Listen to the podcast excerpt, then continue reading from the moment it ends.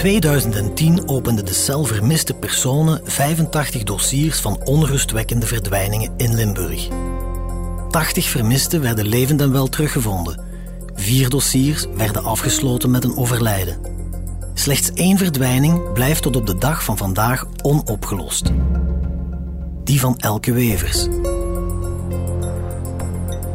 De 32-jarige vrouw uit Neeroeteren verdween op 9 december 2010 zonder ook maar één spoor achter te laten.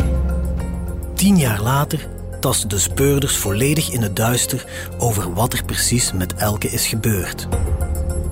In deze podcastreeks van het Belang van Limburg reconstrueren we een van de meest mysterieuze verdwijningszaken die onze provincie ooit heeft gekend. We ontrafelen het hele dossier vanaf het moment van Elkes verdwijning en belichten verschillende pistes die het afgelopen decennium de media haalden. Dat doen we aan de hand van onthullende getuigenissen van familie, collega's, speurders en advocaten. Mijn naam is Geert op het einde en u luistert naar Waar is Elke Wevers? Het mysterie uitgespit. Waarom komen er meerdere verdachten weg met eenvoudige verklaringen? Als iemand onschuldig beschuldigd wordt, normaal mens weert zich daartegen. Je bent het perfecte profiel. Ineens staan ze voor je deur met vier man. Wie zal nu de echte verdachte kunnen zijn? Het is bijna een thriller. Hè? Dat gemis, dat is immens. Dat wordt elke dag groter en groter. We hadden een prachtige dochter. Die onzekerheid, die angst, die vrees, dat verdriet en dat lijden van die mensen. We leven niet meer. We overleven. Elke dag. 29 december 2011. Na 17 loodzware dagen in de gevangenis van Hasselt wordt Tom, de vriend van Elke Wevers, die door de speurders verdacht wordt van moord, vrijgelaten wegens onvoldoende aanwijzingen. Het was onmenselijk, vertelt hij tegen een reporter van het Belang van Limburg. Het zal voor Tom allesbehalve makkelijk zijn om de draad van zijn leven weer op te nemen. Maar, zoals vaak wordt gezegd, tijd heelt alle wonden. In een verdwijningszaak als deze is tijd echter allesbehalve een bondgenoot. Want terwijl de klok tikt, wordt de kans dat de verdwijning van Elke Wevers ooit een ontknoping zal kennen, alsmaar kleiner. Die dreiging is akelig aanwezig vanaf 2012. Samen met de piste Tom lijkt ook de aandacht voor de zaak Elke Wevers naar de achtergrond te verdwijnen.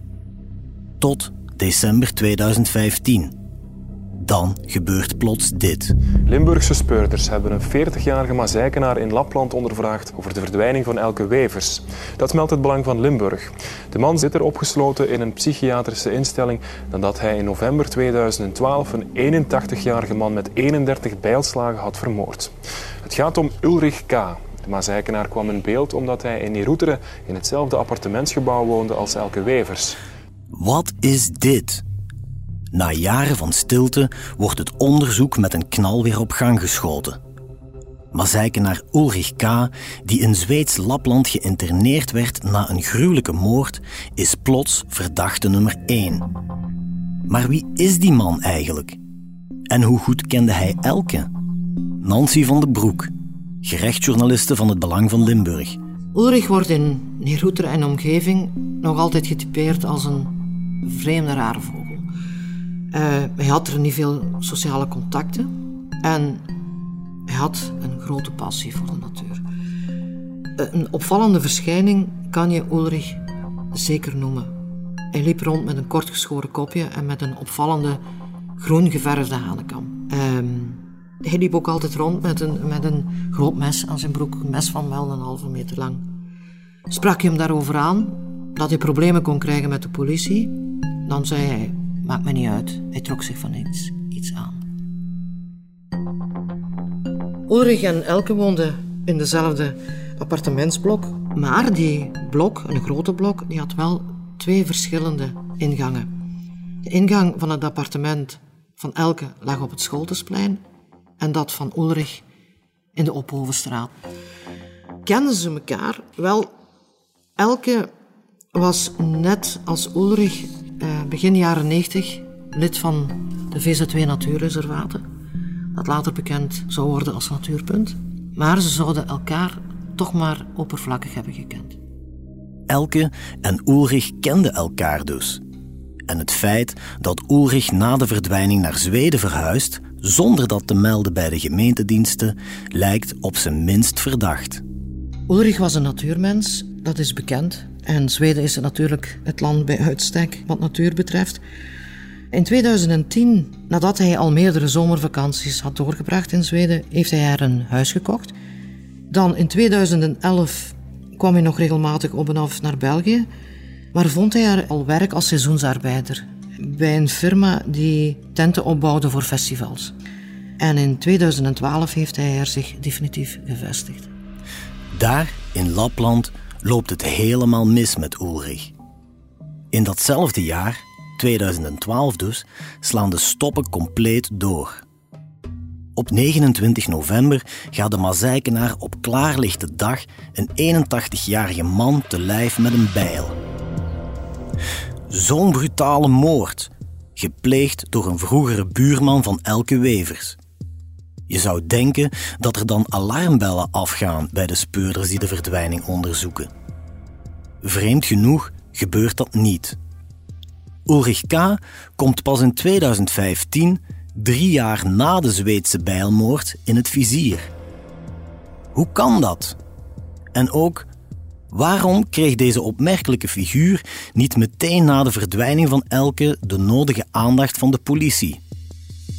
Elkes moeder Elsa denkt er het haren van. Ulrich woonde toen bij zijn moeder in het appartement. En het buurtonderzoek heeft nagelaten om juist na te gaan wie daar woonde. En voor ons was dat weer uh, een grote fout die ze gemaakt hadden. Wat ons weer al stoorde, want Ulrich K. was toch wel een heel opvallend persoon. Gevreesd door de buren, die ons vertelden van uh, voor die hebben we altijd uh, schrik gehad. Maar jammer genoeg heeft zich op voorhand nooit iemand daarover uitgesproken tegenover de mensen van het parket. De procureur-generaal heeft toen aangewezen aan de politiemensen van Mazeik dat ze het buurtonderzoek schandalig slecht hadden gedaan en dat alles volledig opnieuw moest gebeuren. Je kunt je de vraag stellen waarom de speurders niet onmiddellijk bij die buurman terecht zijn gekomen blijft een open vraag. Maar wat wij wel zien is dat met een zeer grondig onderzoek men gaat kijken eh, wie is er in die buurt verhuisd, wie is er in die buurt vertrokken, wie woonde daar en is nu weg, eh, waarom is die weg. Ja, dat is zeer essentieel in onderzoek. En als dat niet voldoende gebeurt, dan zit je daar met een hiaat. En hier moet je toch toegeven dat in het begin dat vrij oppervlakkig was en dat men dus raar, maar waar, die man in het gezichtsveld heeft genomen. Want die was al een tijd weg. Dat is hier een van die aspecten waar ik denk dat men overgezien heeft. Maar dan neem ik de speurders niet kwalijk. Ik zeg alleen, het is een beetje zoals mensen die op de beurs spelen. Als ze winnen, vertellen ze het aan iedereen. En als ze verliezen, zwijgen ze. Dat is ook met speurders zo. Waar ze compleet in de fout gaan, daar gaan ze natuurlijk niet luid op over praten. Maar men leert uit iedere zaak. Hè. Jeff Vermassen, de advocaat van Elkes ouders, blijft mild voor de rechercheurs. Want uiteindelijk komt de politie in 2015 dan toch bij Ulrich K. terecht. Al is dat niet meteen het resultaat van gericht onderzoek, maar van een tip die de speurders op een gouden dienblad krijgen aangereikt.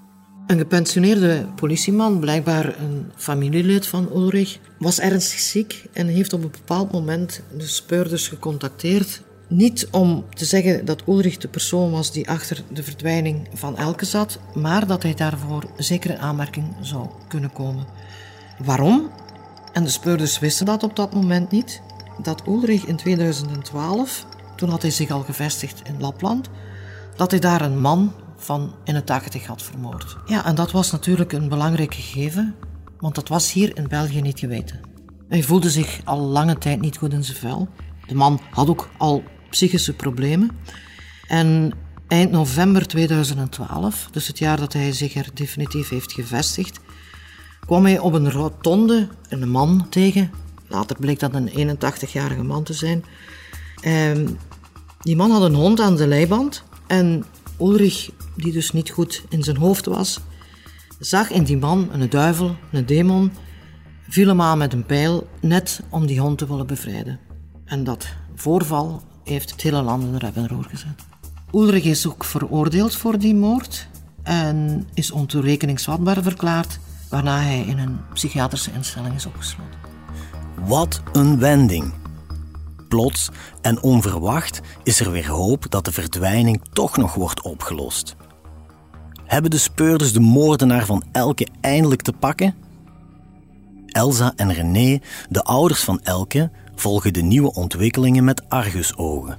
We werden dan op de hoogte gesteld dat Ulrich in Zweden vastzat voor moord op een 81-jarige man.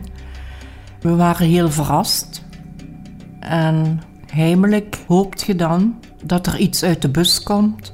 Alhoewel wij ons niet konden voorstellen dat een man die drugs neemt en helemaal zijn weg kwijt is, in staat is om een perfecte moord te begaan.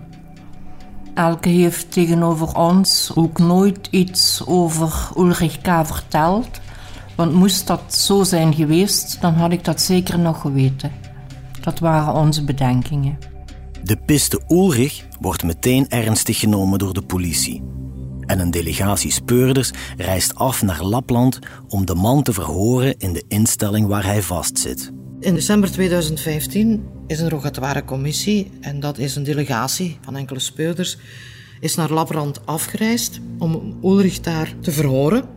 Ze zijn dat gaan doen in een psychiatrische instelling waar hij zat voor de moord op die 81-jarige man. En daar heeft hij verklaard dat hij niks met de verdwijning van Elke te maken heeft gehad. Journaliste Nancy, die op dat moment verslag uitbrengt over de nieuwe pisten in het dossier, trekt ook naar Lapland, in het zog van de speurders. Ik ben uh, samen met een fotograaf van Belang van Limburg ook naar Lapland afgereisd. En dat was op hetzelfde moment dat die delegatie van speurders er ook was. Zij zijn in die instelling geweest en wij hebben dat niet mogen doen. Dat is nogal vanzelfsprekend. Hè. Maar wat wij wel hebben gedaan en wat de Belgische speurders niet konden doen. Wij zijn in het huisje geweest waar um, Ulrich zich had gevestigd. En dat is in het Zweedse Ronberg, een plekje aan de rand van Arvidsjaur. En dat was prachtig. Een gedroomde plek dus voor de fanatieke natuurliefhebber zoals Ulrich getypeerd werd. Ronberg ligt in een haast ongerept gebied. Een woestenij waar de natuur nog heer en meester is, zo vertelt Nancy. Vooraleer we bij het huisje van Ulrich terechtkwamen, hebben we kilometers lang over de besneeuwde wegen moeten rijden, eindeloze dennenbomen en ronduit betoverend gebied. Maar om zijn huisje te vinden, dat was niet zo gemakkelijk. We hadden enkel de instructies gekregen over hoe we naar het huis moesten rijden. En het enige dat we maar wisten is dat we moesten uitkijken naar een groene afvalcontainer en een brievenbus langs de kant van de weg. Daar zijn we dan gestopt in een echte wildernis. Meters hoge sneeuw hebben we moeten doorploegen en we vroegen ons meteen af hoe is het in godsnaam mogelijk dat een man uit Neeroeteren deze plek gevonden had. Wanneer Nancy en haar fotograaf het huis naderen, merken ze plots beweging op. Het is duidelijk dat hier iemand woont. Ja, wij hadden het geluk dat we de nieuwe bewoners meteen tegen het lijf liepen. En zij konden natuurlijk ons heel veel vertellen over Ulrich. Ze haalden er contracten bij en daaruit bleek dat Ulrich het huisje op 1 september 2010 had gekocht voor 130.000 Zweedse kronen, wat omgerekend zomaar een 13.000 euro was. Het huisje heeft hij natuurlijk kwijtgespeeld, want hij werd veroordeeld en hij had schulden af te betalen. Zo moest hij heel wat geld betalen aan de nabestaanden van die man die hij had vermoord. Het werd verkocht en dus aan die nieuwe eigenaars die we daar tegen het lijf liepen. De vriendelijke bewoners zijn zeer coöperatief en kunnen Nancy heel wat informatie geven over hoe Ulrich hier gewoond heeft. De manier waarop de man leefde, als een wereldvreemde kluizenaar, tart werkelijk alle verbeelding. Ze hebben ons veel foto's getoond en het huisje zag er nog erbarmelijk uit toen we er waren, maar de nieuwe bewoners waren toen al bezig met de verbouwingen ervan. Wat bleek? Dat die man, Ulrich, daar blijkbaar alleen in de keuken heeft geleefd. Gordijnen hingen er niet. Hij had slechts één tafel in de keuken staan en een bed en een stoel. Kraantjeswater, vroegen aan de bewoners, dat had hij niet. Een toilet, ook niet. Daarvoor trok hij de bossen in. Wat ze wel in de kelder vonden van dat huisje, dat was een hele hoop lege flessen whisky. En volgens de bewoners lagen er in het huis, toen ze dat aantroffen, overal takken op de vloer, bedorven eten, karkassen van vogels, plantenafval en lege dozen van fastfood. Wat ze ook vreemd vonden, dat was dat Ulrich blijkbaar geobsedeerd was door bijlen. Een bijl die ook gebruikt is bij de moord. Dat had hij overal op de muren getekend. En de keuken, zo vertelden die nieuwe bewoners, die hing vol bloed toen ze daar binnenkwamen. Wat natuurlijk merkwaardig was, wat wij ook dachten, oei, is Elke naar hier gekomen, is Elke hier vermoord. Hebben de speurders inderdaad het grote lot gewonnen? Zit Ulrich echt achter de verdwijning van Elke? Hij zelf ontkent alles. Maar volgens privédetectieve Herma Kluin hoeft dat helemaal niets te betekenen. De piste van Ulrich die, uh, zou je wel ernstig kunnen nemen, zeg maar als je zijn uh, historie kent. Hij kende Elke inderdaad uit het jongerencafé en woonde ook in hetzelfde appartementencomplex. Maar um, de politie is natuurlijk toen wel naar Lapland gegaan. Uh, heeft hem toen ook ondervraagd. Geen sluitend bewijs gevonden. Um, maar ik vraag me af in hoeverre is er onderzoek gedaan? Wat is er onderzocht? Is er ook forensisch onderzocht? Ik uh, zou erop moeten vertrouwen dat het op een goede manier is gebeurd. Maar ik vind het toch altijd prettiger om dat ook zelf te onderzoeken. Hoe veelbelovend het Zweedse spoor ook is, de uitkomst is niet zo bevredigend als gehoopt. Want de rogatoire commissie die naar Lapland trekt, lijkt na het verhoor van Ulrich te besluiten dat de man toch niet degene is die ze zoeken. Al krijgt het onderzoek enige tijd later nog een staartje, vertelt Nancy. De speurders zijn min of meer met lege handen naar huis gekomen, maar blijkbaar hebben ze de piste Ulrich toch niet helemaal afgesloten. Ondanks het feit dat hij een alibi had op het moment dat Elke zou zijn verdwenen. Hij zou op dat moment aan het werk zijn geweest. Maar, wat blijkt dan? Zes maanden nadat ze terug waren van een bezoek aan Lapland, zijn ze dan een huiszoeking gaan doen in het appartement waar Ulrich heeft gewoond op het moment dat Elke er ook woonde. En waarom hebben ze dat gedaan? Omdat er blijkbaar bloedresten naar boven zouden zijn gekomen, ook al was dat appartement al herhaaldelijk schoongemaakt. Het gekke daarvan is, is dat de bewoner van het appartement op dat moment naar een hotel moest gaan, omdat hij ruimte moest vrijmaken natuurlijk voor het onderzoek van de speurders. Ze hebben dat heel grondig gedaan en, voor zover mij bekend, hebben ze daar niks gevonden dat kon gelinkt worden aan de verdwijning van Elke Wevers. Ik heb er me wel over verbaasd dat de speurders niet eerder aan Ulrich hebben gedacht. Zeker gezien zijn historie was hij uh, zeg maar, voor mij wel een potential geweest die als eerste zou ondervragen. Um, en persoonlijk vind ik dat ook echt een gemiste kans. Want in, misschien had je met een gedegen buurtonderzoek al wel gelijk antwoord op de vragen kunnen hebben. Daarmee wil ik niet zeggen dat hij degene is die voor mij verdachte zijn. Want er zijn in deze hele kwestie veel meer verdachten. Persoonlijk wil ik geen tunnelvisie ontwikkelen. Dus wat mij betreft zijn alle opties nog open. En dat is ook de reden waarom wij echt heel goed onderzoek willen doen. En ook kijken of deze piste daadwerkelijk wel begraven kan worden. Zoals alle andere pistes in het onderzoek blijft de piste Ulrich nog altijd bestaan. Ze is nog altijd niet volledig afgesloten. De piste kan pas afgesloten worden als het dossier door de raadkamer zal worden afgesloten. Afsluiten. Het is iets wat de ouders van Elke nog steeds niet kunnen. Opnieuw zien ze een belangrijk spoor op niets uitdraaien. En opnieuw moet Elsa die tegenslag zien te verwerken. Voor ons was het wel een teleurstelling dat de piste Ulrich K. niets uh, opgeleverd had. En weer start alles van begin af aan. En staan we weer al voor de zoveelste keer bij nul. De kans dat we ooit te weten komen wat er echt met Elke gebeurd is. Na tien jaar Je begint te twijfelen. En soms denk ik dat we het nooit zullen te weten komen wat er echt gebeurd is. En dan zullen wij daar ook verder mee moeten leven. Is het onderzoek naar Elke Wevers nu dood en begraven? Zo lijkt het wel. Maar u weet, niets is wat het lijkt. Want anderhalf jaar na de piste Ulrich dient zich onverwacht een nieuwe verdachte aan. En raad eens, het is opnieuw een buurman. Wat ging die man kort na de verdwijning van Elke doen in de bossen rond een kasteel in de buurt van Parijs? En waarom reed hij erheen tijdens een sneeuwstorm in het holst van de nacht en aan het stuur van een koelwagen? U ontdekt het in een nieuwe aflevering van Waar is Elke Wevers? Het mysterie uitgespit.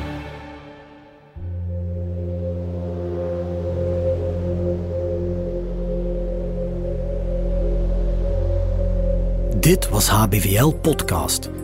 Wil je reageren op deze aflevering? Dat kan via podcast.hetbelangvanlimburg.be. Heb je tips of informatie over de verdwijning van Elke Wevers? Neem dan contact op met de politie via het gratis nummer 0800 30 300. Wie vragen heeft over zelfdoding, kan terecht bij de zelfmoordlijn op het gratis nummer 1813 en op de website www.zelfmoord1813.be. In deze aflevering hoorde je mij, Geert op Teinde, de verteller. De redactie gebeurde door Nancy van den Broek, Cato Poelmans en mezelf. Montage en audioproductie door Waard Houbrechts en Len Melot. Chef podcast is Geert Nies. Volgende week zijn we er opnieuw.